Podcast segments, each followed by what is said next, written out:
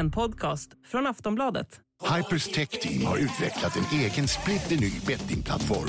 Navigeringen 10 poäng, Bettbilden 10 poäng och oddsen är hypade till max. Upplev vår Next Gen Sportsbook. Ladda ner Hyper-appen idag och känn skillnaden. 18 plus, spela ansvarsfullt. Regler och villkor på hyper.com.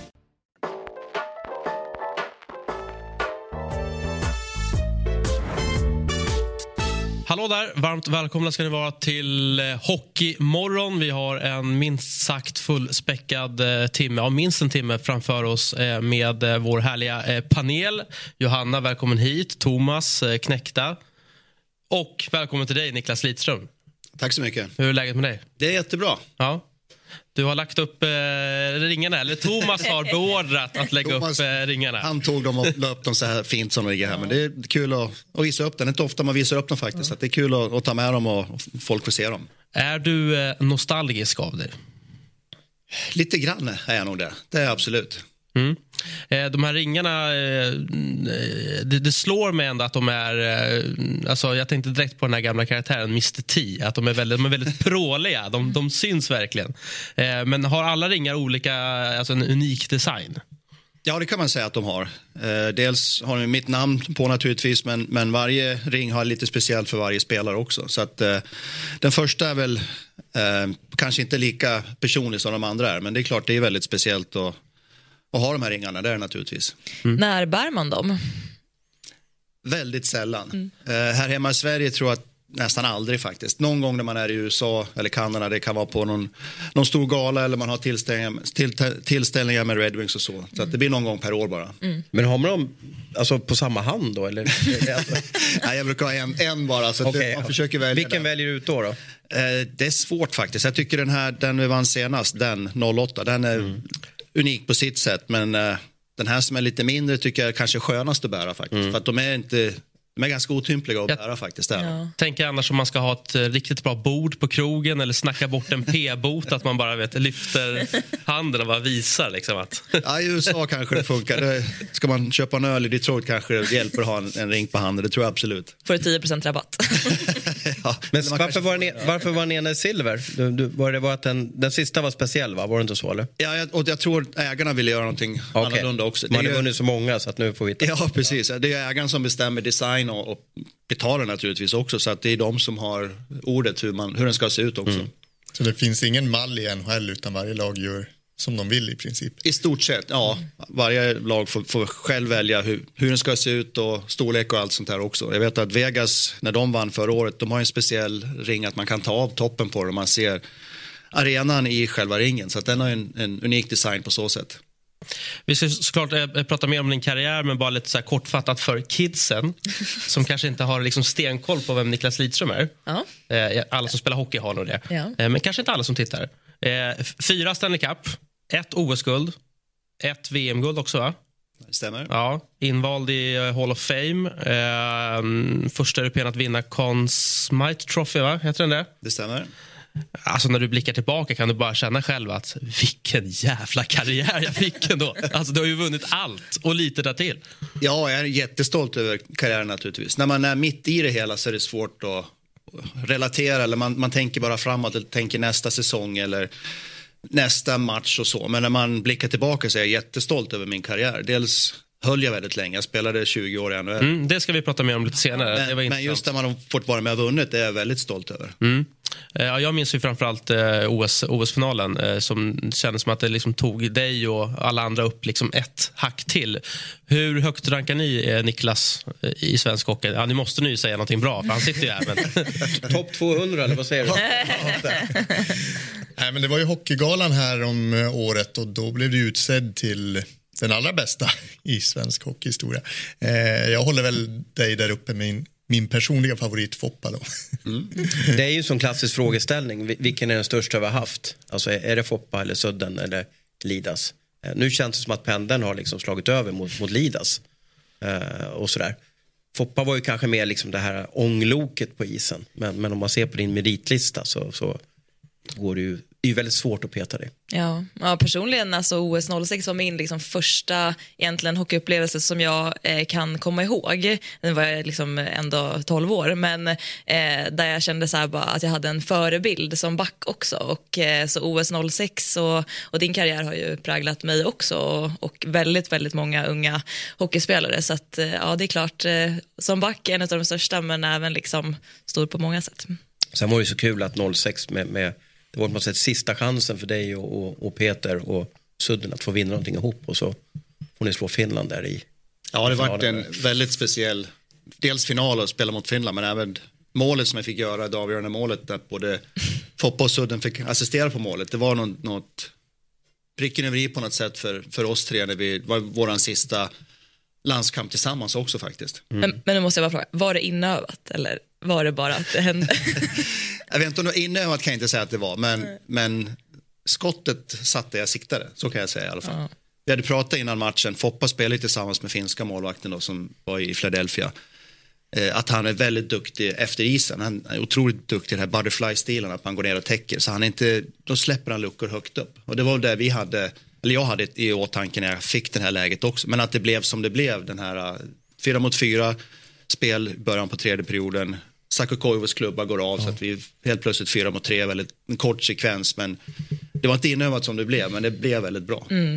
Skrek ni till varandra på isen att, att nu kör vi, alltså förstår jag att nyttja 4-3-läget eller såg alla vad som, för han sprang, eller han åkte ju till båset och hämtade ny klubba där så det vart ju ett läge. Ja, Liksom. nej, men jag tror vi såg det på en gång. Jag vet att Mats skrek till, till Peter i alla fall att, att han skulle sticka med pucken när han, när han fick den på vänsterkanten. Och det var väl egentligen redan som sades. Jag visste att Mats såg, eller han, han förstod att jag kom där bakom. Så jag, behövde, jag ropade aldrig på den pucken. Utan jag, jag, på hans kroppsspråk och så han tittade också så såg jag att han kommer att lägga tillbaka den här pucken till mig. Så att det var bara att bara vara redo att skjuta. Jag hade bestämt mig innan att jag kommer att skjuta direkt när, när passet kommer. Hur viktigt tycker du att det är att planera liksom, vad man vill göra för alla andra för att bli en bra hockeyspelare? Liksom, att ha den känslan både för sig själv och sina lagkamrater tillsammans. Det är väldigt viktigt, det är naturligtvis. Eh, Dels att, att sätta upp mål tillsammans men även i matcher man, man planerar eller man ha olika spel som man vill utföra på isen. Så att det är otroligt viktigt att ha det här samarbetet och, och det skapar en väldigt bra lagkänsla också. Speciellt när man träffas med landslaget som i väldigt kort period när man eh, spelar ett OS. När alla kommer ifrån sina NHL-klubbar och det är en väldigt kort samling innan allting börjar. Så att det är väldigt viktigt då. Mm. Eh, en, eh, på tal om goda minnen då. Eh, en, en person som nog har gett oss alla goda minnen är ju Arne Hegerfors eh, som dessvärre lämnade oss igår, eh, 81 år gammal. Eh, gammal kollega till mig, fantastisk. Eh, kanske den bästa storytellern jag någonsin har träffat. Han fick liksom alla att garva. Eh, och, ja, men väldigt liksom timid, ödmjuk lite så här småvirrig och ja, men sjukt rolig verkligen. Eh, Arne som eh, ja, gjort många klassiska referat i fotbollen och i, i hockeyn. Eh, bland annat då den här klassiska OS-finalen eh, mellan USA och Sovjet 1980. Pratar väl amerikanerna fortfarande mycket om. Miracle on Ice. Ja, då, det Matchen. lever de mycket på. Ja. Eh, och OS-finalen 94 kanske de allra flesta tänker på eh, med, med Foppa-straffen. Eh, och även 87-finalen då, Sandströms 2-2 mål. Vad, vad har ni för liksom såna här go-to stories med, med Arne? Jag tycker att när man hör hans röst så på något sätt nästan man kan blunda och så hör man bara, eller man, man ser framför sig vad som händer på isen. Ja, men det är väl hans pigghet och, och små kommentarer, eller Hegerforsare, det är ju de man kommer komma ihåg framöver. Pontiac Silver Doom. Man har sett den där VM 94-krönikan så många gånger så Nu firar vi midsommar. Ja, sommaren 94, fantastisk. Eh, mycket tack vare Arnes referat. Hur, hur mycket liksom kontakt eh, hade du på din tid med, med Arne eller med, överlag med liksom svensk media när du ändå var över på andra sidan så många år? Det är klart, svensk media hörde av sig ganska ofta. Eh, I NHL är det oftast man, eh, journalisterna där borta tar kontakt med en genom våra PR-kille i laget. Men i Sverige så tar vi direktkontakt. Så att det var mycket direktkontakt med, med svenska medier. Kanske inte så mycket med Arne, men mina starkaste minnen det är nog de här hockey som man såg fram emot varje vår. Hans röst ihop med Ankan, att de, som du pratade om, man, man känner igen rösten, man blir bekväm med rösten och man, man förväntar sig olika kommentarer som kommer också. Så att otroligt lättsam att lyssna på och väldigt duktig i det han gjorde. Mm, ja, men verkligen. Eh, var det en sån som kollade mycket på hockey på tv och just liksom med, med VM och konsumerade du mycket, mycket sport? Absolut. på, när jag växte upp som tonåring så var det mycket, mycket VM man tittade på. Satt uppe vet, på nätterna när det var Kanada Berätta för Johanna hur många kanaler det fanns. När man fick gå fram till tvn och byta Ja, ja. ettan till tvåan innan, innan det fanns fler än två. Satt en ratt på tvn. Ja, Man hade ingen remote. Nej. nämligen. Det fanns inga. Nej, men just det här att kunna sitta uppe på nätterna. Eh, Canada Cup 87 satt man ju uppe. Då gick jag på hockeygymnasiet och brann ju för hockeyn så att man satt ju uppe vissa nätter och såg Tre Kronor spela då. Och det är minne man har fortfarande faktiskt. Mm. Ja, men verkligen. Eh, vi kommer att sakna dig, Arne. Eh, vila i frid. Eh, tillbaka till dig, Niklas. Eh, man, det som ändå så här, man läser igenom hela din karriär, det tar för övrigt rätt lång tid att göra det. Eh, så, så det som slog mig när jag läste det här var att du gick som nummer 53 i, i draften 89. Eh, och att var det så att liksom Detroit ville inte ens att du skulle närvara för att de ville gömma undan dig lite grann för andra lag? Ja, det var så när jag, när jag skulle åka på draften som jag hade blivit lovad av utav min agent. Hade, min agent hade bjudit dit mig. Men Red Wings sa, de ville inte att jag skulle komma dit eh, några veckor innan bara just för att jag var en liten late bloomer, var inte alla visste, ja, klart folk visste att jag spelade i, i elitserien med Vik och så, men jag var nog inte den som, som stack ut som, som Mats Sundin gjorde till exempel, som gick som nummer ett då i draften 89. Eh, så att de ville inte att jag skulle vara där ifall att någon annat lag skulle se mig och kanske tinga mig då. Så att det var därför jag inte fick vara med på själva draften. Men jag blev ju inte draftad 88. Det var lite andra regler då. Jag hade inte spelat tillräckligt många matcher i, i högsta serien för att kunna bli draftad. Så att därför var jag draftad då 89 istället som 19-åring. Mm, och det var Christer Rockström då som var eh, scout för, för Detroit. Och han har väl också berättat att, att du var svår att scouta i Västerås just för att du inte spelade tillräckligt ofta. Eh, late bloomer sa du ju själv. Eh, kanske för, för bra för juniorhockeyn men inte liksom tillräckligt vass för att vara en topp 6-back i, i, i elitserien. Nej, jag var nog eh, väldigt tunn i, i, i kroppen. Han såg, han såg väl en talang någonstans där under, men jag var väldigt, väldigt lätt att flytta på i egen zon framför mål och sådana saker. Så att jag spelade inte alla matcher hela tiden, utan jag var som sagt lite late bloomer. Jag var inte med i juniorlandslagen, pojklandslaget eller junior- juniorlandslaget första åren, utan jag kom lite senare när jag fick hoppa med i, landslagen också. Så det var därför jag eh, blev draftad lite senare också i, i, i själva draften som 53 redan. Men förklarade, förklarade Detroit för dig varför du inte fick komma eller sa de bara så här, you can't come? Nej, de, genom min agent så sa de att de inte ville ha mig på plats Ja. ja. ifall, så ingen annan lag skulle se mig. Det var den eh, anledningen jag fick. ja, okay. ja. Det kanske ändå är lite smickrande. Liksom. Då ser de ju ändå liksom stor potential i dig såklart. Ja, det var Ja. det. det var det naturligtvis. Och jag förstod att de skulle drafta mig, men eh, jag visste inte vilken runda och så, men att jag fanns med på deras radar. Så att, eh, väldigt nervös den där lördagen när, när det var draft och eh, de hade sagt åt mig, var hemma, vi har vi telefon för vi kommer att ringa när, om vi draftar dig och när vi har draftat dig. Så det var en, en upplevelse naturligtvis. Hade du någon uppfattning alltså, kring andra lag och städer? som du Gjorde du någon egen liksom, lista i ditt huvud att här, ja, men de här tre ställena skulle jag gärna hamna på? Eller kanske inte? Nej, jag hade inga favoriter på så sätt. Nej. Det var väl Toronto i och med att Börje var en idol jag hade när jag växte upp. Toronto Maple Leafs var ju speciella på så sätt. Men annars hade jag inga direkta lag som jag ville eh, spela för. Utan var mer att jag ville bli draftad. Jag ville ha, ta första steget och komma närmare NHL. Men, men hur följde man draften då? Alltså, satt man och lyssnade på någon AM-radio? Eller hur, hur fick du information om draften? Nej, enda informationen var att håll dig hemma för att vi kommer att ringa. Jag, det fanns ingen annan. Eh, det fanns inget internet, det fanns inge, ingen annan som, som följde det på så sätt. Utan det var man fick hålla sig hemma bara så fick man ett telefonsamtal. Vad visste du om Detroit eh, innan, alltså både som lag men kanske framförallt som stad då, i och med att du sen skulle flytta och bo där i 20 år? Ingenting faktiskt. Jag visste att Steve Eisenman var deras stjärna. Jag hade följt Stevie lite grann. Eh, han var väl den snäppet under Gretzky Lemieux som kom Eisenman som var nästa superstjärna i NHL. Så jag visste att han spelade där. Om laget och staden visste jag ingenting mer förutom det faktiskt. Och din första säsong då, du nämnde liksom att i Vik så ansågs du vara lite för tunn och liksom lätt att flytta på framför mål. Hur hanterade du det i din första säsong i NHL? Det är mycket med, på grund av mitt spelsinne. Dels eh, lära sig spelet i NHL, det är ju väldigt annorlunda. Då, på den tiden var det ju, jag ska inte säga andra regler, men på, på sätt och vis var det andra le- regler. Du fick hålla i med klubban, du fick haka som man tog bort helt. Eh, det var 2004 tror jag, lockouten där. Men innan dess så var det ju faktiskt, du skulle hålla upp för din partner, din backkollega, du skulle lägga klubban runt midjan och hålla i och det fick man göra också.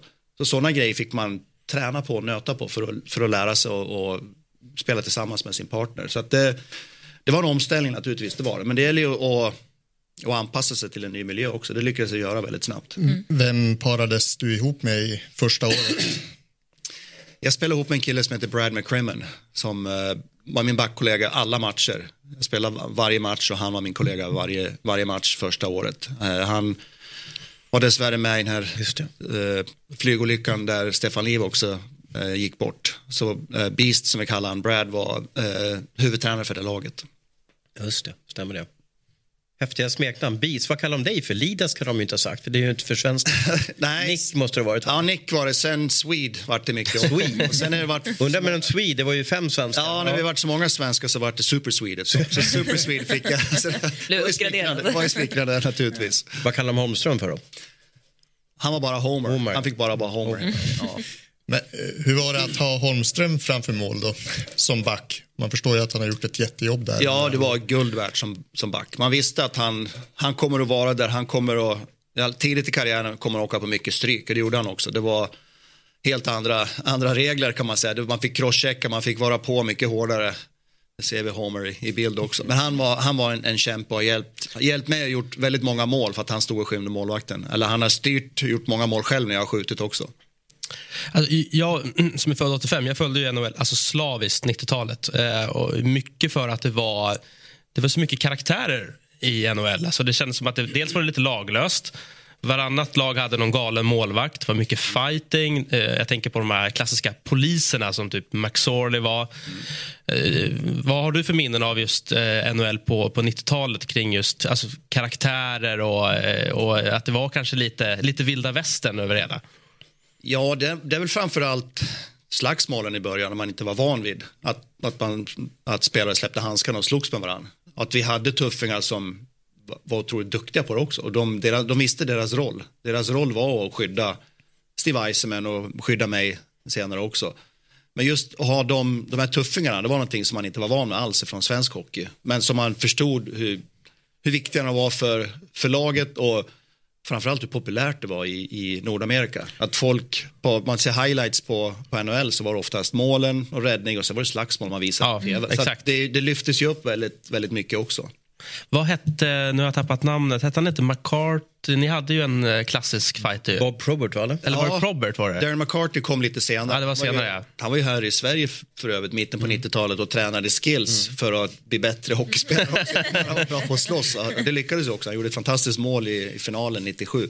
Men vi hade, Bob Probert var en, en tuffing vi hade som, som kunde lira också men, men eh, som stod upp för framförallt Steve Eisenman och, och stjärnorna i laget, Fedorov också. Eh, Hur var han då? Alltså, man får ju en bild av att det är en galning, men som jag förstått så är de väldigt, kan vara väldigt timida och snälla. Ja, han var otroligt som en stor teddybear som man sa, som, en, som en stor nallebjörn som var otroligt rolig, var runt, skämtade mycket, väldigt, eh, väldigt lågmäld. Inte en sån som stack ut på så sätt, men på isen så, så slog det om helt plötsligt. Det gjorde det.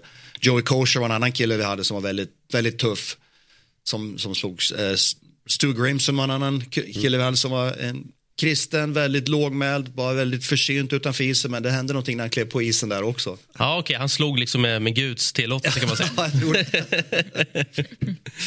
Eh, och så var du kvar i Detroit ju efter karriären. Eh, tre år va, som, som scout. Ja, Ja. det stämmer. Vad, vad tyckte du om att jobba, jobba kvar, men inte som hockeyspelare? Eh, Det var en omställning när jag slutade 2012. Dels eh, det här rutinerna som man har varje dag. Man, man är med ett lag, man sätter upp ett mål tillsammans med laget och man strävar efter det här målet. Den här resan man gör med laget, den saknar man naturligtvis. Den här att, att tillhöra ett lag. Den, den försvann ju från en dag till nästa när de tog bort namnskylten från ens plats och man inte var en del av laget längre. Eh, så det var, det var lite tufft faktiskt, det var det. Men eh, jag var ju kvar i organisationen. Vi flyttade hem till Sverige men jag var kvar och jobbade som scout och kände att eh, jag har egna barn som spelar hockey så att det tog väldigt mycket tid att åka runt och titta på andra spelare. Så att jag, jag gjorde det några år och sen, sen kände jag att jag ville kliva av och, och fokusera mer på familjen. Normally, being a little extra can be a bit much, but when it comes to healthcare, it pays to be extra. And United Healthcare makes it easy with Health Protector Guard fixed indemnity insurance plans. Underwritten by Golden Rule Insurance Company, they supplement your primary plan, helping you manage out of pocket costs without the usual requirements and restrictions like deductibles and enrollment periods. So when it comes to covering your medical bills, you can feel good about being a little extra. Visit uh1.com to find the Health Protector Guard plan for you. Uppväxt i, Avesta. Ja. Ehm, TV-pucken för Dalarna. Ehm, vad, vad, vad var det som hände att du valde då Västerås och, och hockeygymnasiet där? Jag visste när jag gick på högstadiet jag ville se hur duktig jag kunde bli i hockey. Jag ville gå på hockeygymnasium, så Leksand låg i närmaste hands. Ursäkta. I och med att jag är från Dalarna så, så var, höll man ju på Leksand när man växte upp. Men just den utbildningen jag gick fanns inte i Leksand då, utan den fanns i Borlänge. Då skulle jag pendla mellan Borlänge och Leksand och kände att det ville jag inte göra. Så då sökte jag mig till Västerås istället. Vilken utbildning var det? Jag gick fyra år teknisk. Snyggt På jobbat. den tiden var det, var det fyra år man Ja. i gymnasiet. Jag lär mig så mycket i det här programmet. Eh, För då var ju de som gick i Leksand gick ju typ handel och kontor. Och då är ju fyra år tekniskt ju en mycket bättre och gedigen utbildning. Ja, och som Men var det mamma och pappa som sa att du ska, du ska ha en utbildning? Alltså, du kommer inte bli någonting inom hockeyn. Nej, det var jag själv som ville gå Okej. den utbildningen. Jag ville ha en, en, en bra utbildning. Jag hade väl, jag hade väl en dröm att bli hockey, Mm. hockeyproffs naturligtvis. Men eh, jag var, hade ganska lätt för mig i skolan. Jag var ingen, ingen plugghäst, men jag hade lätt för mig i skolan. Och då ville jag gå en bra utbildning också. Det var därför jag valde, valde den utbildningen. Vilken inriktning på fyra år tekniskt? Det finns ju el och... och, och... Ja, det var el och sen var det teletekniskt. Okej. Svagström. Vad tror du du hade arbetat med om du inte hade lyckats bli hockeyproffs? Jag har säkert hamnat på ABB tror jag i Västerås. Ja. I ABB är väldigt stort i Västerås. Så jag har säkert börjat där i alla fall. Sen får man väl se vart, det- vart det har lett någonstans. Men den har nog varit... Eh, Lidströms elmontage AB. kanske en egen? Men, men din moderklubb är Skogsbo. Och vi pratade lite här innan om liksom vikten av att kunna tävla från tidig ålder men fortfarande behålla en bredd. Hur tycker du att Skogsbos liksom, eh, hockeyklubb hjälpte dig till att bli en bra hockeyspelare? Jag tror det, det gav mig en trygghet som, som ung grabb. Eh, Avesta BK är ju stora klubben i, i, i Avesta och Skogsborg är en lite mindre klubb. Men jag spelade i Skogsborg, gick i skolan i Skogsborg, Mina kompisar eh, som jag gick i skolan ihop med spelade också i samma hockeylag. Vi spelade fotboll tillsammans. Så att den här tryggheten man hade när man växte upp var väldigt viktig. Och där var det mycket spontanidrott. Man, när man inte hade träning då tog man skridskorna och gick ut till närmsta is, isrink eller till Klockavallen som det heter i Skogsbo och tävlade där tillsammans fast det var på lek. Och det var väl där någonstans den här äh, kärleken till hockeyn började också. Fotbollen höll jag också på med fram tills jag var 15 men, men hockeyn var jag bättre i, jag tyckte det hockeyn var roligare.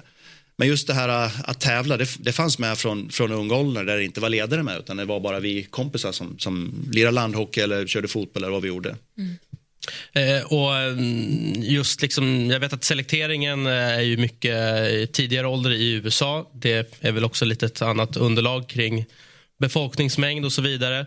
Går det att säga att en modell funkar bättre än den andra eller gör exempelvis Sverige rätt som, som behåller bredden upp till en mycket högre ålder och sen börjar elitsatsa?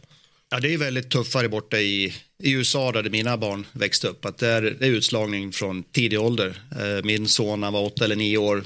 Blev petad från ett lag för att de inte tyckte han var tillräckligt bra. Fick, då fick man söka sig till, en annan, till ett annat lag. Så jag, jag förespråkar den här bredden som vi har i Sverige. Dels, vi vill ju att så många ska hålla på så länge som möjligt och då måste man ha den här bredden. Men sen kommer det bli en, en elitsatsning till slut. Det är ju oundvikligt egentligen om man, om man vill bli en duktig hockeyspelare, om man vill satsa på sin idrott så kommer det bli en, en elitsatsning. Men jag tycker det är väldigt viktigt i, i ung ålder att ha den här bredden, att alla får vara med. Va, vad känner du som förälder när, när liksom ditt unga barn blir petad från sitt lag? Ja, det är ont i hjärtat. Framförallt att man ser hur ledsen ens son blir. Att inte få vara med, inte få spela med sina kompisar. Och, eh, det, är, det är tufft i den åldern och, och, och inte få vara med sina kompisar och inte spela i laget. Så det var ju, man, fick, man stötte ju sitt barn naturligtvis och det var ju att försöka hjälpa dem så mycket det gick och, för, och förklara hur, hur allting fungerar. Och hitta nya kompisar, hitta ett nytt lag som vi gjorde. Så att det, är, det är otroligt tufft att växa upp i den miljön. Men vad, vad, vad tror du är anledningen till att ändå eh, amerikanerna använder den här modellen att man liksom selekterar så pass unga personer? Jag vet inte vad det beror på om det är att, alltså, som, som du nämnde att det finns så otroligt många att välja ifrån att det är en del av, av samhället i USA faktiskt. Att det är, det är utslagning, det är om man inte presterar så kanske man får gå från jobbet. Man har inte den här tryggheten som man har i Sverige på samma sätt. Så att det är en del av den kulturen de har, att det är väldigt tuff miljö. Och hur viktigt tror du att det är att liksom, eller hur svårt tror du att det är att se vem som blir bra när man är åtta jämfört med när man är 15 då? Um, hur ska man resonera där? Jag ska säga det är nästan omöjligt. Det finns de som är otroligt skickliga när de är åtta år, som är skickliga när de är 15 och sen är de, blir de superstjärnor. Men det är väldigt många som kanske inte har det här drivet. De är duktiga för att de har kommit längre i deras utveckling. I puberteten ligger de lite före. De är, är större till exempel. Så att det finns mycket eh, av den sidan som gör att man är väldigt duktig. Men sen när man kommer högre upp när, när spelsinne kommer in eller man, det här drivet som jag pratade om har man inte det så då kanske man planar ut i den åldern. Så att det går inte att, att selektera. Jag vet till och med scouter som säger att vi, vi kan inte scouta en kille när han är 15 för det, från 15 tills när det är 18 händer det väldigt mycket. Så att det är inte säkert att han kommer att vara den spelaren när han är 18 år heller. Så att till och med tal talangscouter som är bland de bästa i världen har svårt att se på 15-åringar vilka som, som kommer att vara, kan bli stjärnor i NHL. Vissa kanske man kan förstå att det är en otrolig talang men det är många som som har det här drivet som inte har kommit lika långt i utvecklingen som blir stjärna till slut. Mm. Eh, och jag tänker, det var tur att du ändå fick vinna VM-guld 91 eh, med tanke på att eh, 20 år i rad missade du ju aldrig slutspel. alltså det är ju en otrolig bedrift, alltså inte bara från dig utan från hela Red Wings såklart. Men om vi börjar med turneringen där i, i Finland då, ditt, ditt VM-guld, vad minns du från, från den turneringen? Eh, ja, framförallt var det ju Sovjetunionen vi mötte. Det var inte Ryssland utan Sovjetunionen som, som man spelade mot. det var en annan, ett annat upplägg i slutspelet också. Det var inte en, en, en, de här kvartsfinal, semi och final utan det var ett annat upplägg i, i slutspelet. Eh, starkaste minnen är nog Mats Sundins mål som han gör när han går runt för Tisov och sätter, sätter en, eh, om det var vinstpucken eller första målet han gjorde. Men, men den, de detaljerna kommer jag ihåg. Sen glädjen naturligtvis att få vinna, vinna VM-guld, komma hem till Stockholm, stå på, på plattan här i Stockholm och ta emot folkets jubel som man inte hade, man hade sett på tv tidigare men inte riktigt förstod känslan. Men då kunde man verkligen förstå den här känslan och, och ta åt sig allt också. Mm, ja, precis. Ja, men här har vi lite, lite klassiska bilder. Eh, och möta Sovjet ändå, alltså ur ett hockeymässigt perspektiv, eh, alltså med, med historiken såklart. Eh, 91 så var väl Sovjet, hade väl inte jättemånga månader kvar då som, eh, som nation. Den raserade ju sen. Hur var det med hockeylaget? Var de lite på nedåtgång eller var det fortfarande stora stygga Sovjet som ja, men folk i, i, i vår generation minns ju när Sovjet vann med 13-1 och 11-0. Alltså gjorde man ens mål på Sovjet så var det ju typ som att vinna VM. Liksom. Eh, och nu lyckades ni besegra dem. Ja, jag har ju, som jag sa tidigare, jag har ju vuxit upp på 80-talet och följt alla VM. Så man kommit ihåg den här uh, ryssfemman med Kasatonov, Fetisov, Larionov, Krut och Makarov som dominerade hela, hela 80-talet i stort sett. Det hade väl tappat lite av den kanske glansen på, i på 91 när jag spelade, men det var ju fortfarande en, en, en av de bästa nationerna mm. att möta. De tillsammans med Kanada var ju de, man ville slå helt enkelt. Mm. Ja, härligt. Ehm, jag tänker också eh, just på de här, alltså 20 år i slutspel. Eh, vi pratar ja, men i snitt 100 matcher per säsong. Jag satt och kollade lite snabbt i en statistik. Eh, om du har missat ungefär 40 matcher, kan det stämma? Alltså allt som allt? Mm. Ja, men det stämmer. Ja. Och, och, då vilades du ju en del innan ni redan var klara för slutspel, eller hur? Ja, jag hade Scottie Bommer som tränare i nio år. Och han, Eh, jag fick spela väldigt mycket i matcherna också när Scott var huvudtränare. Så det var några resor vet jag, några, några år att sa han, du, den här västkusttrippen när du ska åka till Kalifornien, eh, då kommer nog du att stanna hemma för du, du har ont i ljumsken, sa han. De ville vila mig några matcher inför slutspelet så att eh, vissa säsonger spelade jag 79-80 och sånt. Missat två, tre matcher bara för att, för att eh, vila helt enkelt. Ja, och... Du ligger ju fortfarande faktiskt topp 10 i NHL på mest alltså, minuter någonsin. Jag tror att du ligger på plus 29 000 spelade minuter fortfarande då, topp 10. Så det är ju Okay. Smått otroligt. Ja, jag, alltså bara 29 000 minuter, jag vet inte ens vad det motsvarar, alltså tid på is. Så då ja. man ändå några. Nästan värt en femte ring. ja, alltså, nästan så. Ja, jag, hade, jag, jag, vet att någon eller ett par säsonger så snittar jag 30 minuter mm. per match under en hel säsong. Så att det, jag fick spela väldigt mycket i, i matcherna. Både, både powerplay, boxplay, var först ut i powerplay, var först ut i boxplay. Så att man, man fick ju väldigt mycket istid. Jag tänker det är ju en sak att du alltså själv ansvarar för att hålla igång din egen kropp som gör att du inte blir skadad. Men en annan sak, apropå spelsinne, är ju att det kanske inte heller försätta sig i situationer där man riskerar att bli skadad av någon annan, alltså en motståndare. Ja, jo, men det, till viss del har det med spelförståelse eller spelsinne att göra också. Man vet, visst, jag har blivit överkörd också, många, många gånger. jag vet hur det känns att bli överkörd, men jag, jag, vet också hur jag ska skydda mig ganska bra. Om jag vet att jag ska gå in i hörnet och, och chippa ut en puck, eller jag vet att jag måste vara först på pucken, så vet jag att för, för att minimera skaderisken så vet jag att jag måste gå upp emot sargen, jag kan inte vara en bit ifrån sargen. Jag vet, att det kommer att, jag vet att det kommer att smälla, jag vet att det kommer att bli tacklad hårt, men att jag kan skydda mig så mycket jag, jag kan göra. Och sen har ju sommarträning är väldigt viktig också. Att man är förberedd. Jag, jag är fortfarande inte någon stor och stark kille men eh, jag, jag tränade för att inte bli skadad också. Inte dels för att bli, bli starkare naturligtvis men inte för att undvika allvarliga skador mm. också. Om du ska det... utveckla det lite, för jag tror att många kanske tänker att man ska träna så hårt som möjligt och så mycket som möjligt och att liksom all, samma schema funkar på alla. Men mm. om du ska liksom beskriva både sommarträningen och träningen under säsong i NHL, hur liksom, vad är ett lyckat recept där? ja, sommarträningen är väldigt individuell och det har väl blivit mer så anpassat också vet det här hemma för, för spelarna här hemma. Men för mig var det väldigt viktigt att ha bra kondition. För jag skulle spela, som jag sa, nästan 30 minuter, halva matchen. Då, då måste jag orka det också. Jag kan, jag kan lägga på mig vikt, muskel, muskelmassa och, muskelmassa och bli, bli stor och stark, men jag måste orka spela de här minuterna. Så att kondition var väldigt viktigt för mig. Det är någonting som jag fokuserade på hela tiden, ha bra kondition. Sen bygg, jag försökte bygga muskler också, bli, bli, bli starkare. Men kondition var någonting som jag visste att jag måste ha med mig hela tiden. Just det du sa om att skydda sig själv och ta emot tacklingar, det är ju en ständig aktuell debatt idag när det är avstängningar i SHL och Hockeyallsvenskan. Tycker du att dagens spelare skyddar sig för dåligt? I vissa lägen gör man det faktiskt. I vissa lägen så om du har pucken och du skär in i mitten så måste du veta att här är det farligt. Det här är ett farligt område. Nu måste jag vara beredd för att här kan, här kan jag bli tacklad. Eh, det sker de här fula där man, headshots när man blir tacklad i huvudet, huvudtacklingar, en armbåge kommer upp.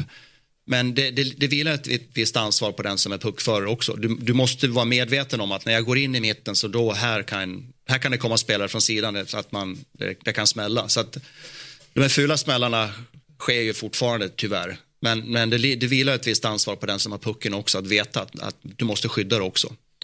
Är det någonting man behöver jobba extra mycket med i utbildningsfasen för dagens spelare tror du? Eller har det försvunnit lite? Ja, till viss del tror jag. Det, jag vet att det finns väldigt mycket såna här skills camp där man tränar skills, man blir skicklig med pucken, man, man åker och dribblar mot, mot konor, man, man blir jätteduktig på att göra dragningar och så. Men de här, äh, när du är i trafiken, när du är i, i mittzon framför allt och det skär in eller kommer in vid offensiva blå. Där måste man vara medveten om att här är det farligt område. Så där måste man träna på mer än att bara träna på att, att man kan åka runt koner och så. Det är intressant, du säger också att du kände att ja, men nu kommer smällan, nu går jag upp mot sarg. Eh, I Sverige har det nästan blivit en vana nu att man backar ut en, en halv meter för att nästan att smällen ska förstärkas, att man nästan lurar domaren på en utvisning. Ja, och ska man vara försiktig så ska du istället dikta an mot sarg för då, då händer det inte så. Ja, du, då har du i alla fall mindre risk att bli, åka på någon, någon allvarligare skador. Och sen blir det, det, det, händer saker där man vänder ifrån nära sargen. Du vänder ifrån och en killen som har, har bestämt sig för att tackla dig, han kommer precis när du vänder. Så att sådana saker kommer att ske. Det, det, det, är nästan oundvikligt.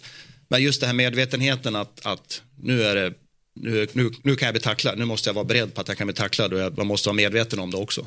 Mm, ett exempel är ju i damhockeyn när vi fick börja tacklas för två säsonger sedan. Att vi tränade mer på att ta emot en tackling om man inte hade spelat, alltså jag spelar med killar så jag har ändå tacklats mycket liksom, men att det är en svårare sak att börja göra om du inte har gjort det tidigare än att utdela en tackling. För det är så mycket fler komponenter där du inte kan kontrollera situationen själv eftersom det är någon annan som utför det på dig. Ja. Eh, och det är vidvinkelseende, det är placering, det handlar om att kolla upp ja, men liksom 30 sekunder innan i, i vissa fall till att det händer. Så att, eh, eh, det är ju svårt men, men jag tror verkligen precis som du säger att man kan ju eh, göra det mycket bättre kanske i svensk hockey nu som mottagare ja. Ja, för att undvika skador. Och just medveten, medveten när du går ner och hämtar en puck i som back till exempel att man vänder, vänder blicken bakåt och tittar vad som händer samtidigt som du åker för att ha lite mm koll på var spelarna är någonstans också. Så att just de här att man vet att man, man, man kommer att bli tacklad och man kan bli tacklad i, i nästan alla situationer. Mm. just när man ser att man är på väg att kanske åka på en rejäl överkörning, är det bättre att liksom spänna hela kroppen eller ska man bara slappna av och låta fallet komma?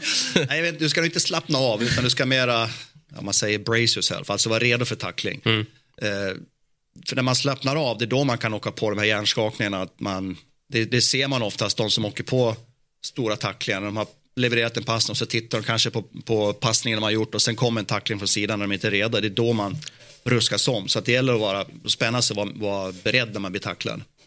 Mm, jag satt och tänkte på eh, en annan så här stor NHL-lirare när jag följde NHL, alltså Eric Lindros, som åkte på väldigt många hjärnskakningar och att det kanske fanns det liksom nästan en medvetenhet hos hans antagonister och motståndare att vi går för huvudet på Lindros för vi vet att han har den här historiken.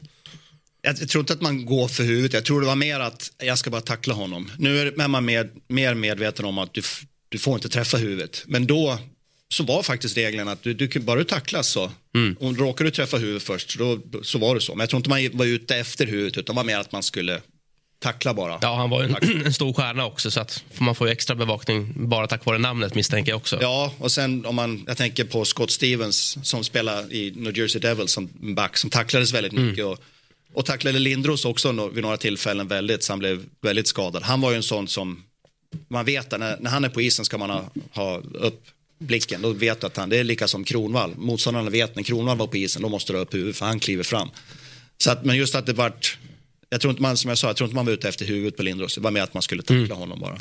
Eh, Jag misstänker att ett av dina bästa eh, minnen, det som du kanske har varit mest nöjd med är uttagningen till Canada Cup för att du fick spela med, med Börje Salming. Samma Börje som du, som du själv lekte att du var som barn. Ja, det var oerhört stort att få chansen. Som, som du sa, så jag, jag var hemma i, i Skogsbo som liten grabb så lekte jag att jag var Börje Salming när man var själv ute på isen. Och sen få chansen att spela tillsammans med Börje som backkollega var ju en dröm så gick i uppfyllelse. Det var nästan som man inte vågade prata med Börje eh, innan, innan man träffade honom första gången och såg hur ödmjuk han var. Så att det var oerhört stort att få spela med sin idol och vara backkollega med sin idol. Hur, hur var han som, som läromästare?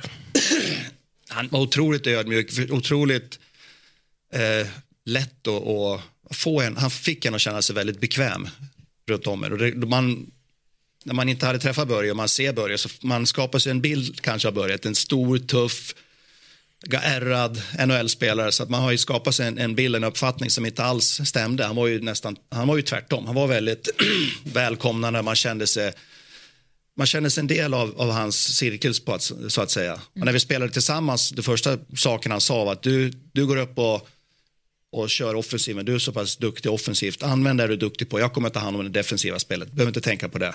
Så det, det fick en att känna sig bekväm på en gång. Det är så liksom, eh, generöst att ge dig den, eller han insåg kanske vad du behövde, att få höra liksom vad du är bra på från honom och att det är ett viktigt ledarskap hos en backkollega och en mer senior spelare också. Ja, verkligen. Och, och få den tryggheten direkt och inte... Han förstod säkert någonstans att jag såg upp till honom. Jag berättade aldrig att han var min idol. jag kanske var för blyg eller, eller skämdes lite för. Men just eh, och ah, på hans sätt att få en att känna sig så, så trygg och välkommen var, det betyder ju jättemycket. Mm. Eh, ni gick till semi i den turneringen, eh, åkte mot Kanada som då hade alltså Wayne Gretzky som, som kapten, vad minns du av den matchen och, och det kanadensiska laget? Ah, Då hade ju superstjärnor på nästan varje position. Jag tror vi, vi höll emot ganska bra första perioden. Sen när de väl gjorde 1-0 så då, Då var det över. då, då, var det, över. då, då, då kunde vi inte hålla emot längre. Men eh, vi, vi hade en väldigt bra turnering fram till den matchen. Eh, och de var ju snäppet bättre än oss också. Mm. Eh, och vet också att du har varit väldigt engagerad i ALS-stiftelsen. Eh, vad har gjort att du har velat ta en ledande roll inom den stiftelsen? Jag fick frågan av Börje och hans fru Pia innan Börje gick bort om man ville vara delaktig på något sätt i en stiftelse eller det började med om vi, att de ville göra en, spela en välgörenhetsmatch. De ville eh, samla ihop pengar till, till ALS på något sätt. De hade inte kommit underfund med hur de ville göra men ganska så snabbt så ville de starta en stiftelse. De, de ville starta eh, eh, och, och börja skänka pengar helt enkelt till, till hitta ett botemedel mot ALS. Så jag fick frågan av Börje och jag såg det som en självklarhet. Börje har betytt så mycket för mig personligen men för svensk hockey har han betytt väldigt mycket också. På så sätt han banar väg på tidigt 70-tal där europeer inte var välkomna faktiskt. Man, man, de kändes inte välkomna, de såg som att de var där och tog eh, nordamerikanernas jobb. Så att, eh, det var en väldigt tuff miljö som, som Börje spelade i i början, men som han visade att han klarade av att, hantera och, och, han spelade ju 17 säsonger där borta. Så att, han har betytt väldigt mycket för mig, så jag, jag såg det som en självklarhet att hjälpa till. Mm.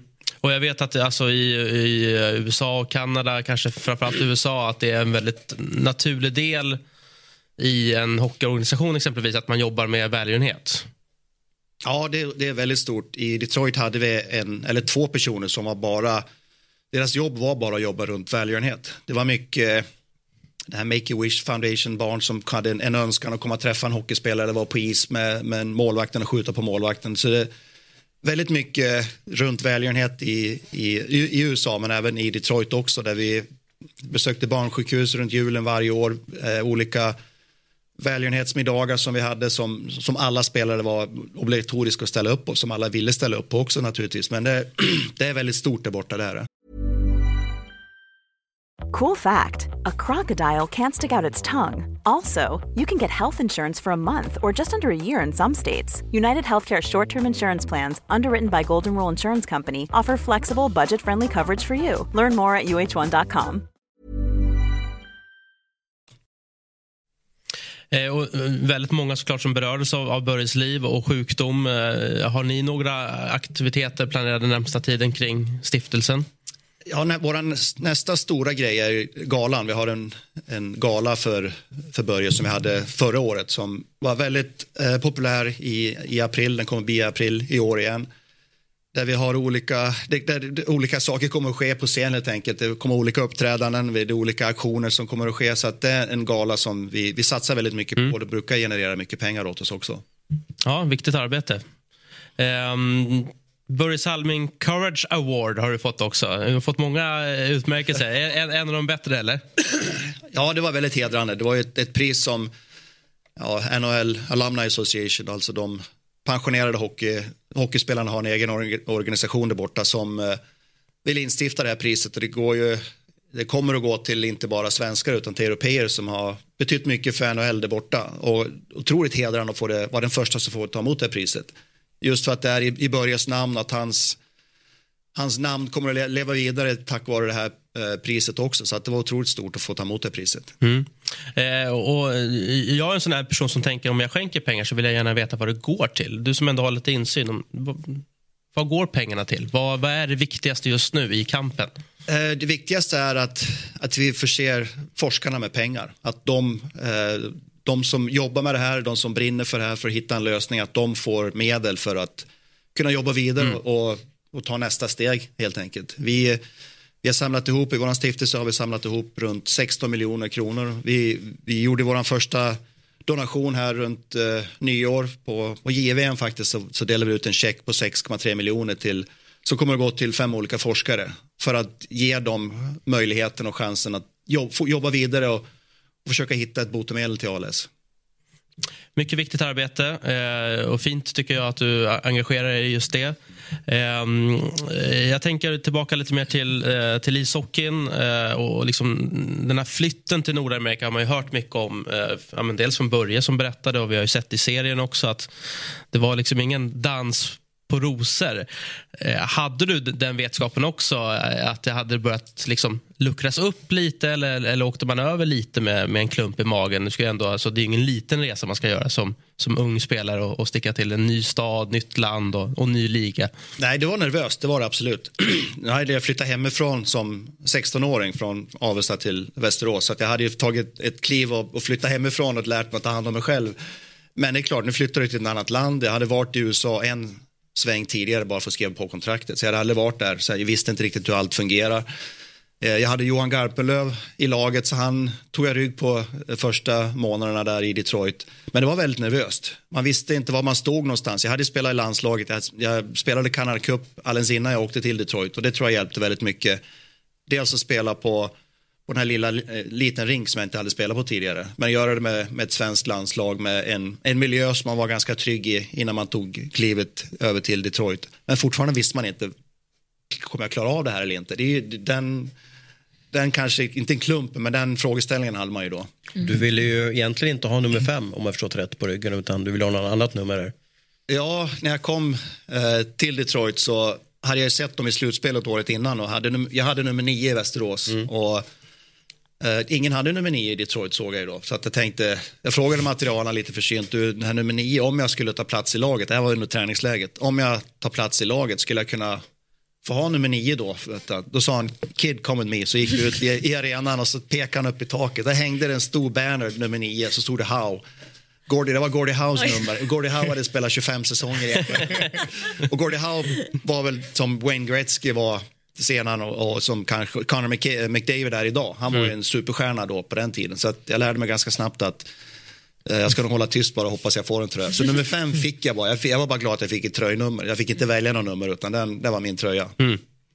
Eh, vi hade Joel Persson från Växjö eh, som gäst eh, förra programmet och han berättade att det var svårt för honom att lyckas i NHL och spelet där, att han liksom aldrig fick slå passningarna. Han, han ville spela som back. Han är ju en stor stjärna i SHL, men det klickade inte i NHL. Att, att den omställningen spelmässigt var så pass stor. Upplevde du också att man var tvungen att lära sig väldigt tidigt på vilket sätt man skulle spela hockey i, på liten rink och i NHL? Ja, jag förstår exakt vad, vad Joel menar. Det är, här hemma så kan man ju börja om i anfall. Man, till exempel man spelar tillbaka till backen, man kanske tar burskydd, man kommer i ett samlat anfall. Det var väldigt sällan man gjorde det i NHL. För gjorde man det och blev fastcheckad så eh, var det lätt att det var ju målchans för andra laget. Så man lärde sig väldigt snabbt att har man ingenting så ska man flytta upp pucken ganska snabbt, åka över ö och, och dumpa in. Nu hade vi ett väldigt skickligt lag. Vi hade ju Iceman och Fedorov eh, tidigt, sen hade vi Eh, det ser vi Zetterberg och Datsuk tillsammans med Thomas Holmström. Vi hade ju skickliga spelare, men ändå så, så lärde man sig att det är ett lite annat spel. Man kan inte börja om i anfallen och hålla i pucken lika mycket, för man blir fastcheckad på en gång då. Och då undrar man ju tvärtom. Alltså att man gör 100 matcher på liten rink och sen åker du och spelar på stor. Hur var den omställningen? Kändes det bara som det här är en annan sport? Det var en omställning och som back så kändes egen zon som ett stort hav. Att man, forwards fick så otroligt mycket utrymme, mycket mer tid med pucken. Här var man mer van att gå ut i hörn, man var snabbare på forwards, de fick mindre tid. Eh, helt plötsligt så fick de en, här, en halv sekund eller en sekund mer. Och de här, när man spelar OS så var det ju bästa spelarna i världen man mötte hela tiden. Så att det, man fick anpassa sig lite grann. Man kunde inte gå ut och vara lika, lika aggressiv till exempel i, i egen zon. Man fick spela sina vinklar lite annorlunda än vad man gjorde där borta i NHL. För det visste du, om du backade hem över eh, punkterna till exempel i, om man drar ett streck från, från de här punkterna vid tekningspunkterna, då visste man hur långt det var till sargen, man visste vad målet var. Det var man off lite grann när man kom på storring. Fast man hade vuxit upp på det så har man, hade man inte spelat på det på väldigt länge. Så man, man fick ha lite andra referenser när man helt plötsligt var på, på storrink igen. På tal om Pavel Datsuk, hur var det att ha honom i laget? Vilken... Kul att du nämner honom. Han måste ha den snyggaste topp 10-listan genom alla tider. Alltså, liksom, målen som är på plats ja. 10 och 9 är ju typ de snyggaste som, som någonsin har gjorts. Ja, det är, den, det, är den skickligaste jag spelar med någonsin. Jag, jag, är trots, jag har ju spelat med Eisenman, Fedorov, Brett Hull, Larionov.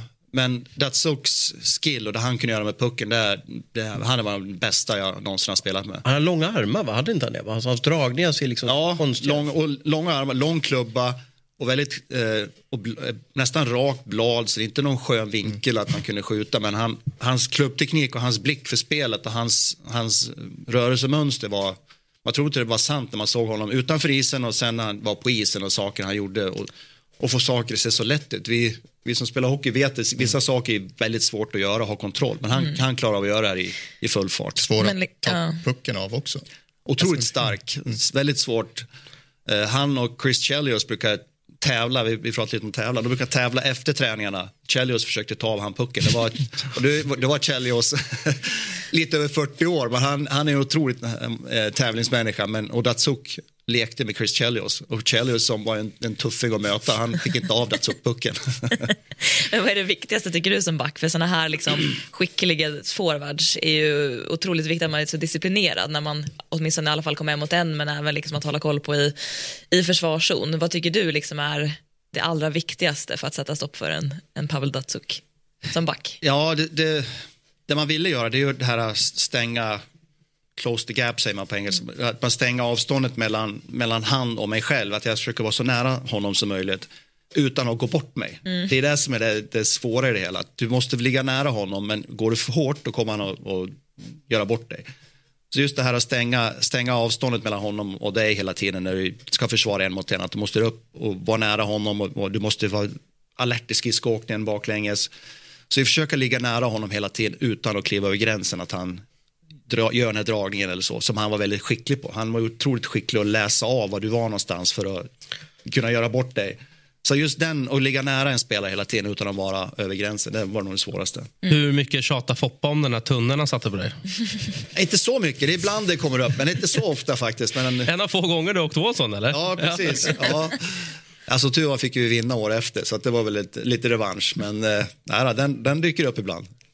Eh, och på tal om att vinna, eh, fyra eh, Stanley Cup. Eh, ni vinner ju också back-to-back, alltså 97 och 98. Var eh, de två åren, att få in en sån liksom, vinnarkultur i laget, vad, vad gjorde det med, med er grupp? Ja, det gjorde väldigt mycket. Vi var i final 95 och förlorade fyra raka mot New Jersey. Eh, 96 slog vi rekordet, dåvarande rekordet med 62 vinster. Eh, och åker ut mot Colorado, mot Foppas Colorado som vinner då Stanley Cup 96. Så 97 var ju första gången vi vinner på, laget vinner på över 40 år. Så det var otroligt stort. Och sen kunna svara upp det och vinna. året- Vilken av ringarna är 97 då? Ska vi se, det här. Mm. Den var första ringen, 97. Och det var väl stort för hela Detroit också med bilindustrin som vacklade. De Ja. hade liksom en del problemområden i staden och så fick de liksom vara, vara stolta över att de har ett idrottslag som fick vinna också. Ja, det var det. det eh, basketen hade varit duktig på 80-talet. Eh, amerikansk fotboll. Ursäkta, amerikansk fotboll hade haft, Lions hade haft det tufft. Så det behövdes någon, en, en seger för något sportlag. Och det behövdes för Red Wings också. Vi har varit, han hade inte vunnit på, över 42, på 42 år. Eh, en av de original six, en av de första sex lagen när NHL startade. Så det betyder väldigt mycket för, för staden. Och sen att kunna backa upp det och vinna året därpå. Trots att vi hade en, en allvarlig skada på eh, Konstantinov, en back i laget som var en, en av våra bästa spelare. Så att det var otroligt stort att kunna backa upp den och vinna 98. Mm. Eh, och ofta när man tänker på, på gamla Detroit, alltså att det var en väldigt stor prägel av just svenskar, ryssar och kanadensare. Att det på något sätt var den magiska mixen i ett amerikanskt lag. Ja, det vart... På 90-talet vart eh, vi hade Fedorov och Konstantinov då ganska tidigt och Koslov. Men sen trädde vi till oss både Fetisov och Larionov. Så vi hade en ryssfemma som, som spelade tillsammans också. Vår coach Scottie Bowman satte ihop dem och de spelade verkligen europeiskt. De var de som inte dumpar pucken lika mycket som vi andra gjorde. De var en helt annan dimension när de var på isen.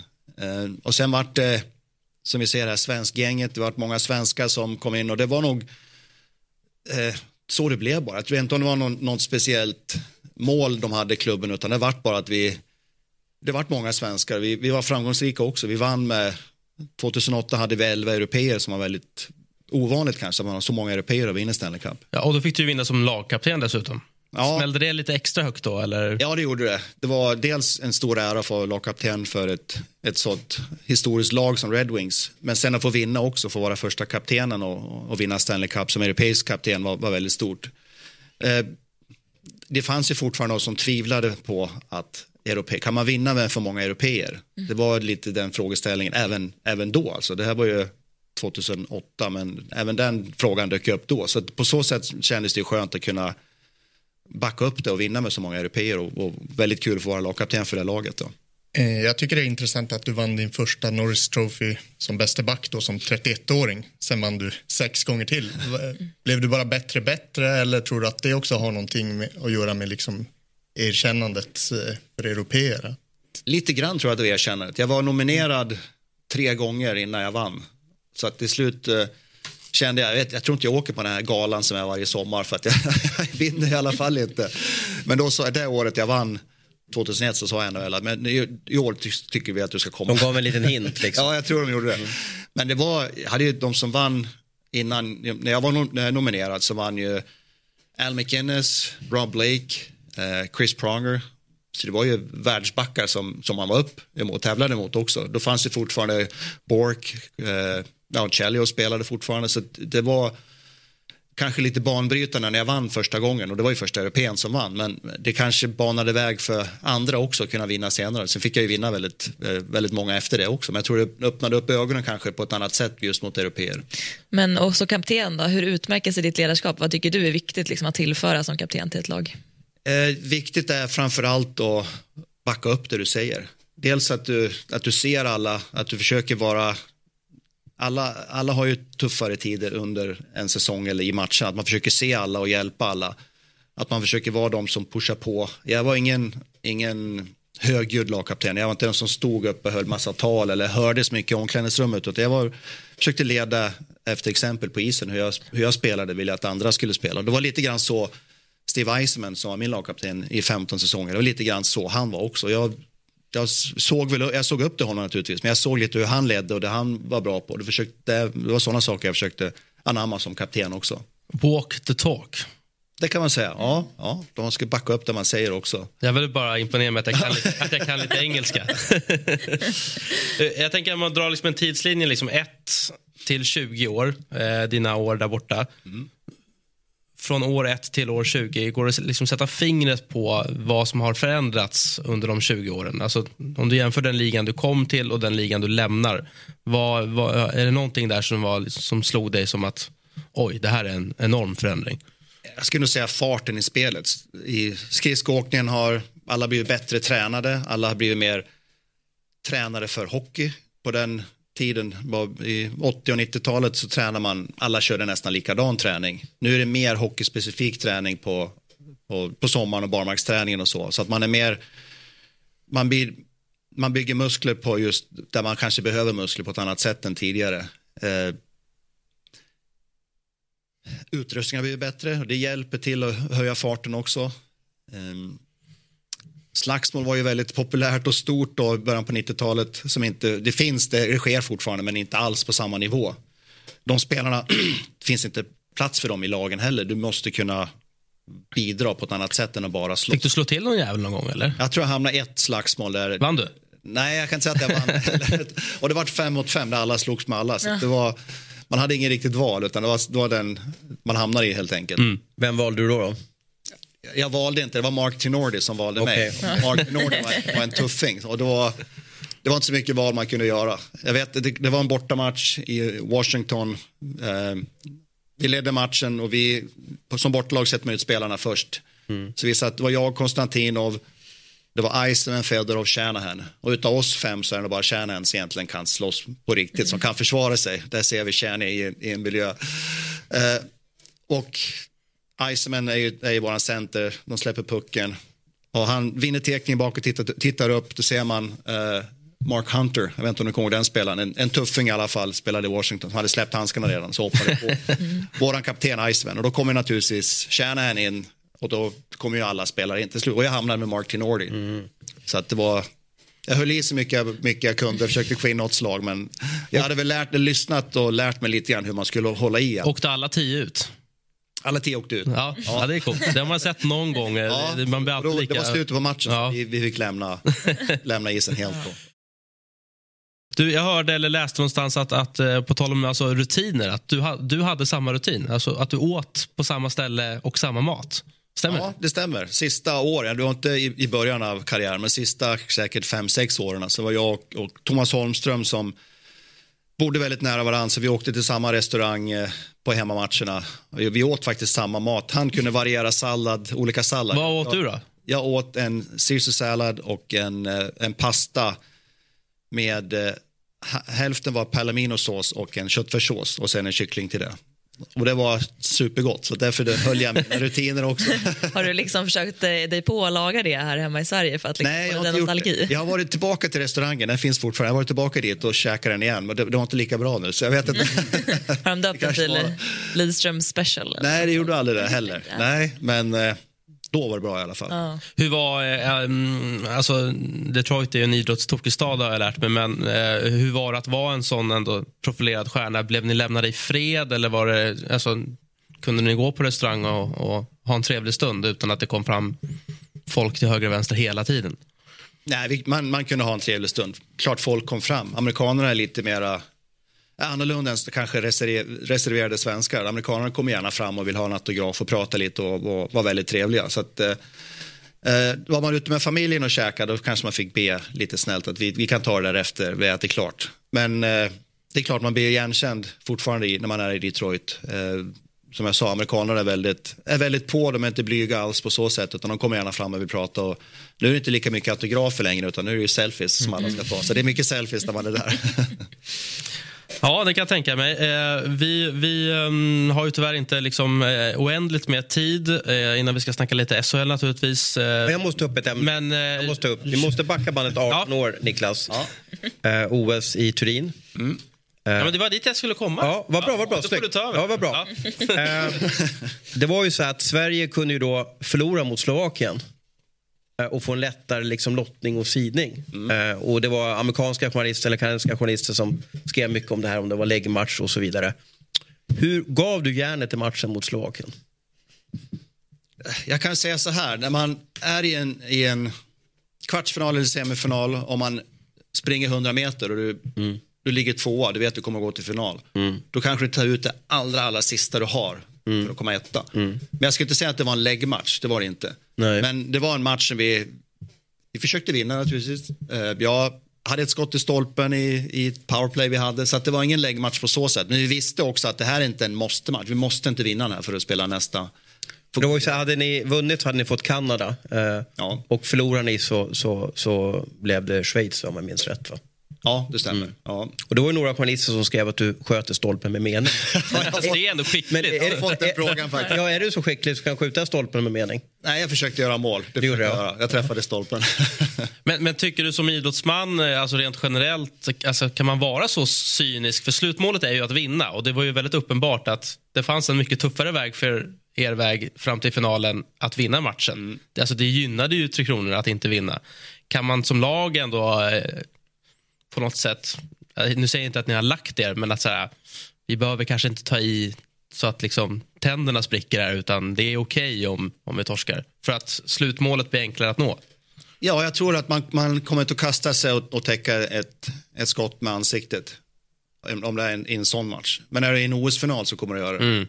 Så kan man nog sammanfatta det. Man kommer inte att ge allt hela tiden. Det är klart, du vill vinna matchen. Du, du, som idrottsman har man den inställningen. Man vill du går ut och spelar, man vill vinna. Men vi visste också vad, vad en, en, en OS-final betyder jämfört med en sån match som inte, inte var lika viktig. Mm. Fick du bra svar tycker du Ros? Ja, hyfsat. Jag, jag vet att i, i, Nordamerika har de ju en del journalister, jag tror du blev intervjuad av, jag kommer inte ihåg namnet på honom, men de har ju kollat på alltså, Tre Kronors powerplay i Slovakien. För det, det var ju ett fantastiskt powerplay. Det var ju du och Foppa och Eh, och Sudden och jag vet inte, hade du någon back? Körde ni en back och fyra? Ja, Affe tror jag var där också. Ja, ja. och eh, spelade ni fem mot tre till och med? Var det så eller? Ja, jag tror det var fem mot tre när jag sköt ja, stolpen. Ja, ja, precis. Och det hände ju inte så mycket i det powerplayet. det, det är ju det de menar på att, men vill de verkligen, de här kan ju göra mål nu mot, mot mot Slovakien, 5 mot 3, då ska ju den här superfemman göra mål egentligen. Då. Ja, och mitt försvar är väl att jag sköt i stolpen när jag försökte göra mål. Ja, du eh, Niklas, eh, supertrevligt att ha dig här. Eh, vi ska snacka lite NHL bara, eller lite SHL här på slutet. Hur mycket följer du med i SHL och, och svensk hockey överlag? Jo, jag ser ganska mycket matcher, det gör jag. I och med att på hemmaplan här när jag jobbar åt Detroit så scoutar jag och ser unga talanger, kanske late bloomers som vi pratade om tidigare. Som, så att jag jag följer med spelaren kanske lag, så att jag har väl hyfsad koll tycker jag. Mm. Exempelvis spelar du med Christian Bäckman i Tre Kronor och hans eh, Frölunda eh, var ju i farten här senast. Eh, ett sent avgörande mot HV71 eh, med 2-1. Här ser vi också resultaten då, eh, där jag väl ändå vill stanna till lite på Leksand som imponerar eh, och Färjestad med sina målvaktsbekymmer, men det eh, börjar väl tisslas och tassas lite i Karlstad? Eller? Färjestad börjar förlora rätt mycket, framförallt på hemmaplan. Ja, de hade ju en trend här när de vann och förlorade varannan match och sen nu har de förlorat några i rad också. Eh, men pratade lite med Thomas Mittell om det och han tyckte nästan att alltså SHL är så pass jämnt och det var många som eh, ropade ut oss som guldfavorit efter tio matcher men jag sa liksom att så, så enkelt är det inte. Och när det är lite stolpe ut då, då kommer förlusten också. Sen har väl målvaktsturbulensen som de har haft här med skador på båda sina alltså första och andra målvakter. Ja, det är ju en rätt lyxig kris med tanke på hur tabellen ser ut eh, då för Färjestad eh, som ändå är med uppe i toppen. Eh, Niklas, du har väl din systerson Alexander Lundqvist va? Ja, i Leksand? han spelar i Leksand. Ja. Ja. Vad, vad tycker du om hans säsong hittills? Jag tycker han har tagit kliv. Jag tycker Alexander har blivit bättre. Han, han får mer istid, han får spela mer, men han har förtjänat dem också. Han har otroligt stabil back. Eh, väldigt bra defensivt. Eh, är inte lika offensiv i sitt spel, men det, det har man ju andra spelare i Leksand för. Så att han, har, han har tagit väldigt stora kliv tycker jag. Och Leksand har ju imponerat. Eh, jag tycker att Leksand har spelat väldigt bra. Pratar du mycket med Alexander liksom, och ger honom tips och råd? Eller, eh, eller liksom, vill Han visar ha bara det? ringarna. Ja, exakt, ja, exakt. Lyssna på mig nu. Eller vill han ha det eller försöker du liksom separera det lite grann? Ja, nej, vi, det, när vi, vi, vi pratas inte vid väldigt mycket alls faktiskt, utan han, han är ju inne i, i sitt spel hela tiden och så, så att vi har inte så mycket kontakt. Men när vi, när vi träffas så det är klart vi, vi diskuterar hockey ibland. Det kommer upp naturligtvis. Stefans, eller eh, Alexanders pappa Stefan är ju också gammal hockeyspelare så att vi, vi pratar också hockey eh, vi, tillsammans också sen, naturligtvis. Så att det blir mycket hockey när man, när man träffas i familjen. Hur viktigt tror du det är för ett lag, jag tänker på era motgångar innan Stanley Cup eh, där 98, eh, att liksom under en säsong också ha några liksom förluster som man återhämtar sig ifrån som för Färjestad nu till exempel har liksom vunnit i princip hela hösten och sen så kommer en liten dipp inför ett slutspel. Är det viktigt att liksom ha det lite ur liksom vägen inför en eventuell formtoppning eller går det att vinna en hel säsong och sen vinna SM-guld? Jag tror det är viktigt för ett lag att gå igenom sådana här dippar som man har och, och, och klura ut hur man tog sig ur de här dipparna. Det är väl, det är väl där Färjestad är just nu. De har ju en liten dipp och de, de har förlorat lite de förlorade hemma mot Leksand här som de inte alls spelar speciellt bra. Så att, att ha de här dipparna och, och komma på ett sätt att ta sig ut det, ur det, det är det som är väldigt viktigt när du väl kommer in i ett, i ett slutspel. För hamnar i en sån här dipp i slutspel och så har du inte haft den känslan, hur ska vi ta oss ur det här? Då är det ännu svårare. Så att det, det är viktigt att, att ha de här dipparna för att förstå att vi, vi kan ta oss ur det, men hur ska vi göra det och hitta den lösningen. Den kanske viktigaste matchen som vi ändå flaggade för inför omgången var ju Malmös möte med Modo där eh, Karl Persson gjorde alla mål för Malmö. Eh, vi var lite inne på att den matchen skulle sätta lite ton för framtiden i en eventuell bottenstrid då, och det blir Malmö som drar längsta strået. Framförallt var det så tung förlust för Modo när de ledde, hade kontroll på allting, ledde med 2-0 och så bara pang, pang, pang kändes det. Det måste vara en hemsk förlust för dem. Drog Foppa igen då med Ja, jag vet inte. Jag tror han är ute på Atlanten och, Ja, okej, och han seglar. det. Ja, okej, ja. Han ska ju segla över Atlanten så att, eh, han har nog noll eh, mottagning där ute kan jag gissa. Det kan vara skönt. Kanske honom. bra. Ja, ja. Ja, verkligen. Eh, Men, eh, lite kort också om eh, Axel Sandin Pellikka i Skellefteå är ju draftad av Detroit. Ja. Och, eh, vad säger du om honom och hur mycket tror Detroit på honom? Vi tror väldigt mycket på, på honom. Han har haft en väldigt bra säsong. Eh, otroligt skott, otroligt bra spelsinne, spelskicklighet. Så vi tror väldigt mycket på honom. Eh, nu, nu har jag varit skadad här ett tag, men jag tyckte han var bra i, i JVM.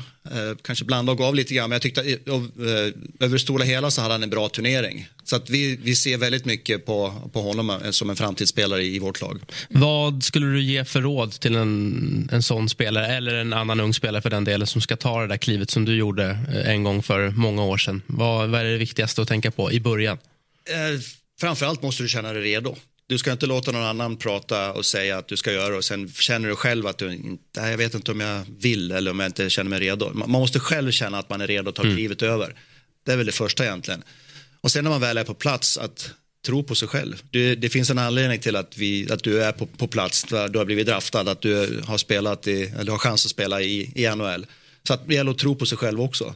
Eh, sen även där har man dippar. Som ung spelare har man dippar. Men att, att jobba sig igenom de här dipparna och, och, och lära sig av dem och bli, bli bättre som spelare är väldigt viktigt också. Men, men om du fick råda honom, skulle du vilja att han åkte över till Grand Rapids, alltså ert farmarlag, eh, eller köra ett år till i Skellefteå? Vad, vad tycker du just nu är bäst för hans utveckling? Det är egentligen där den här vårsäsongen kommer att visa vad han eh, dels spelmässigt och hur han, hur han känner själv och diskussion med, med oss i laget, hur vi ser hans situation, eh, diskussion med Skellefteå, hur de ser på hans situation också, var han är någonstans i laget. Eh, det är som en, en fördel som NHL-klubb att ta över spelarna, då har man ju själv kontroll hur de spelar, hur mycket de spelar och så. Eh, men man ska också känna att, att, man är, att spelaren är redo. Är man i en bra situation i Sverige, man får spela mycket, man får spela viktiga minuter, man spelar både boxplay och, och powerplay. Eh, man möter man möter män, man spelar mot, mot, mot vuxna, kanske jämfört med AHL som är fler yngre spelare. Men just det här att man, man själv känner att man är redo kommer att vara viktigt för honom. Vilka tror du vinner SHL? Växjö är väl favoriter. Jag har sett dem ett par gånger. De är otroligt stabila. Kan Leksand göra det? Det, som, det finns en, en liten Leksand. Har ju kanske de, de, kanske inte har den här vinnarkulturen. Det är väldigt många år sedan som de vann en första slutspelsomgång. Ja. Nu har de ju en sånt upplägg på de här uh, två matcherna som har varit de kommande tre att de ser det som ett slutspel. Mm. Så ser de vill vinna alltså tre matcher de här fem då. Så se om den Challe-grejen kan bli att man liksom får lite kick inför slutspelet. Mm. Jag tror att Färjestad kommer att ta sig ur det här där de är ju också. De är ett så pass skickligt lag. Jag har haft en bisarr situation med sex olika målvakter. Ja, också, det är inte en lätt situation. Nej. Det är en väldigt viktig position. Det betyder väldigt mycket, den positionen naturligtvis. Så de är också en av de som har, har chansen tycker jag. Jag var lite inne på för några avsnitt sedan att Sverige skulle införa en sån här traveling goalie som NHL har haft. Eh, som ofta spikar igen när de får eh, möjligheten. Ja, det är, det är helt otroligt egentligen. Man har en, en person som är en emergency backup goalie som finns i arenan som, som får två biljetter till matchen. Det är väl det de får egentligen. Mm. Ja, men får, de får inte lite lön då? Eller är det, de får biljetter bara? Jag får biljetter, ja. det är vad jag har hört i alla fall. Eh, och sen får du chansen att spela i en NHL-match. Ja, det är faktiskt så, helt otroligt. Ja. Underbart upplägg. Ja, det är det faktiskt. Du, eh, Västerås då, kämpar på i Hockeyallsvenskan. Hur mycket följer du eh, Vik? Jo, jag följer Vik också. Går på en del matcher. De har blandat och gett. Man spelade Brynäs på bortaplan här för några dagar sedan. Otroligt bra match och sen kom han hem och förlorade på hemmaplan mot ett bottenlag. Så man har blandat och gett och också haft lite skador på viktiga eh, spelare. Eh, men Brynäs är väldigt starkt måste man säga. Jag såg dem tidigt på säsongen och har sett dem under, under säsongen också. Att de är väl favoriterna måste man säga. Och, och, du som ändå kommer från eh, en stängd liga där man liksom inte kan åka ur. Vad tycker du om det svenska systemet? Många, mig personligen, tycker att det är kanske lite för svårt att gå upp från Hockeyallsvenskan. Jag kan ju tycka att Vinner man en serie ska man alltid gå upp och kommer man sist en serie ska man alltid åka ur. Eh, delar du den uppfattningen eller tycker du att systemet är bra som det är nu? Nej, jag håller med. Jag skulle vilja ha att fler lag har chanser att, att gå upp. Nu är det bara ett lag som har chansen. Och jag skulle vilja se att det öppnades upp lite mer. Stängd liga är, jag helt emot. Helt emot hur vårt eh, system är uppbyggt. Den här drömmen att fortfarande kunna ta kliv och, och ta klivet upp i SHL eller från division 1 till hockeyallsvenskan också. Den, den måste finnas kvar. Eh, och det är ju ännu svårare, alltså från division 1 till hockeyallsvenskan. Ja, visst är Där är det väl också ja. bara en plats fördelat på med nästan 50 lag. Så ja. menar... Jag skulle vilja se att, att det öppnades upp så att det blev lite... Det fanns, möjligheten fanns att man kan, fler lag kan, kan ta klivet upp. Jag har frågat tidigare gäster, bland annat då Peter Forsberg, om du hade haft mandatet att göra en förändring i svensk hockey. Vad, vad, vad skulle du vilja förändra? Eh, ja, men dels det systemet, att man har större chans att, att ta klivet upp. Jag vet att det här är väldigt känsligt, men jag skulle vilja se att fördelningen av pengar, som tv-pengarna framför allt, som är en väldigt stor del, eh, skulle fördelas lite jämnare till att Hockeyallsvenskan skulle kunna få en, en, en liten större del av kakan för att för, fördela det lite bättre och göra det lite, lite jämnare just ekonomiskt också för klubbarna. Mm. En utökning av SHL skulle kunna vara en idé? Eh, jag är, jag är för det också. Jag är för att fler lag kan vara... Eh, det kanske är för att jag, jag sitter i Västerås. Du vill ha upp Vik? men om man ser på de lagarna som är i Hockeyallsvenskan så är det ju anrika lag som... Så jag skulle kunna se att man har två lag till i mm. utökar eh, SHL så att man har, har två lag till där. Härligt. Eh, vi eh, kikar väl slutligen på nästa omgång eh, där vi ja, får se om Leksand kan haka på här. Det börjar nämnas nu allt mer som en liten outsider till en SM-final. Vad väljer ni annars att, kika på? Ni får välja en match här, Johanna. Ja, men det blir väl... Um... Du tar ju alltid nästan Leksand, så nu får Ja, det var därför jag tvekade ja. här nu. ja, men... Uh... Örebro Rögle då, lite så bottenmöte och se vilka som gör det bäst när det brinner lite. Det är ju 15 omgångar kvar nu, det kommer ju bli en, en, en otroligt race där i botten att undvika kanske 13 platsen när det är sådana stora lag som är inblandade i bottenstriden som Rögle, Örebro och, och sådär. Det ska bli jättespännande att följa. Jag rattar in Växjö-Luleå. De möttes ju förra veckan och Robert Rosén satte in en tackling på Jonas Berglund med någon sekund kvar och han skadade sig och det blev lite kalabalik där efteråt. Så lite extra krydda när de ska mötas igen. Hur många skott tror du blir i den matchen totalt? då? 12-12. Ja, kanske. Luleå är väldigt skadedrabbat nu också. Växjö skjuter inte alltid över 20 skott. Niklas, vad zappar du in om du får välja här? Eh, ja, det har blivit två, om vi tittar på tabellen så är det två nivåer, den övre och den nedre halvan. Så den nedre halvan har ju, det blir lite så just runt strecket där, vilka de två sista lagen är. Så att jag ska ju själv faktiskt åka till Örebro och se Örebro-Rögle ikväll. Så det är väl den matchen jag kommer att, att fokusera på. Men just om man ser tabellen här, det är ju det är otroligt jämnt. Det måste man ju säga. Det är, det är, som du sa, det är 45 poäng att spela om fortfarande. Ser du hellre en toppmatch eller vill du hellre ha en match liksom nere i botten när det blir den här desperationen? Och... Nej, men om jag, då väljer jag nog en toppmatch. Se två topplag spela. Eh, det blir ju nästan panikartat när, man, när det blir den här eh, bästa sju, när, när lag 13-14 ska spela. Det blir ångestmatcher istället. Så att jag ser nog hellre en, en toppmatch. Gott så. Eh, tack panelen. Stort tack Niklas för att du kom hit. Eh, Jättekul att få ha dig här. Kul att vara här. Om du kan tänka dig att lämna kvar i alla fall en så, så är jag hyggligt sugen på den i mitten där. Så att, eh, stort tack eh, och tack för att ni eh, var med oss också och tittade och lyssnade för den delen. Det ska ni såklart göra igen på fredag. Då är vi tillbaka med Hockeymorgon.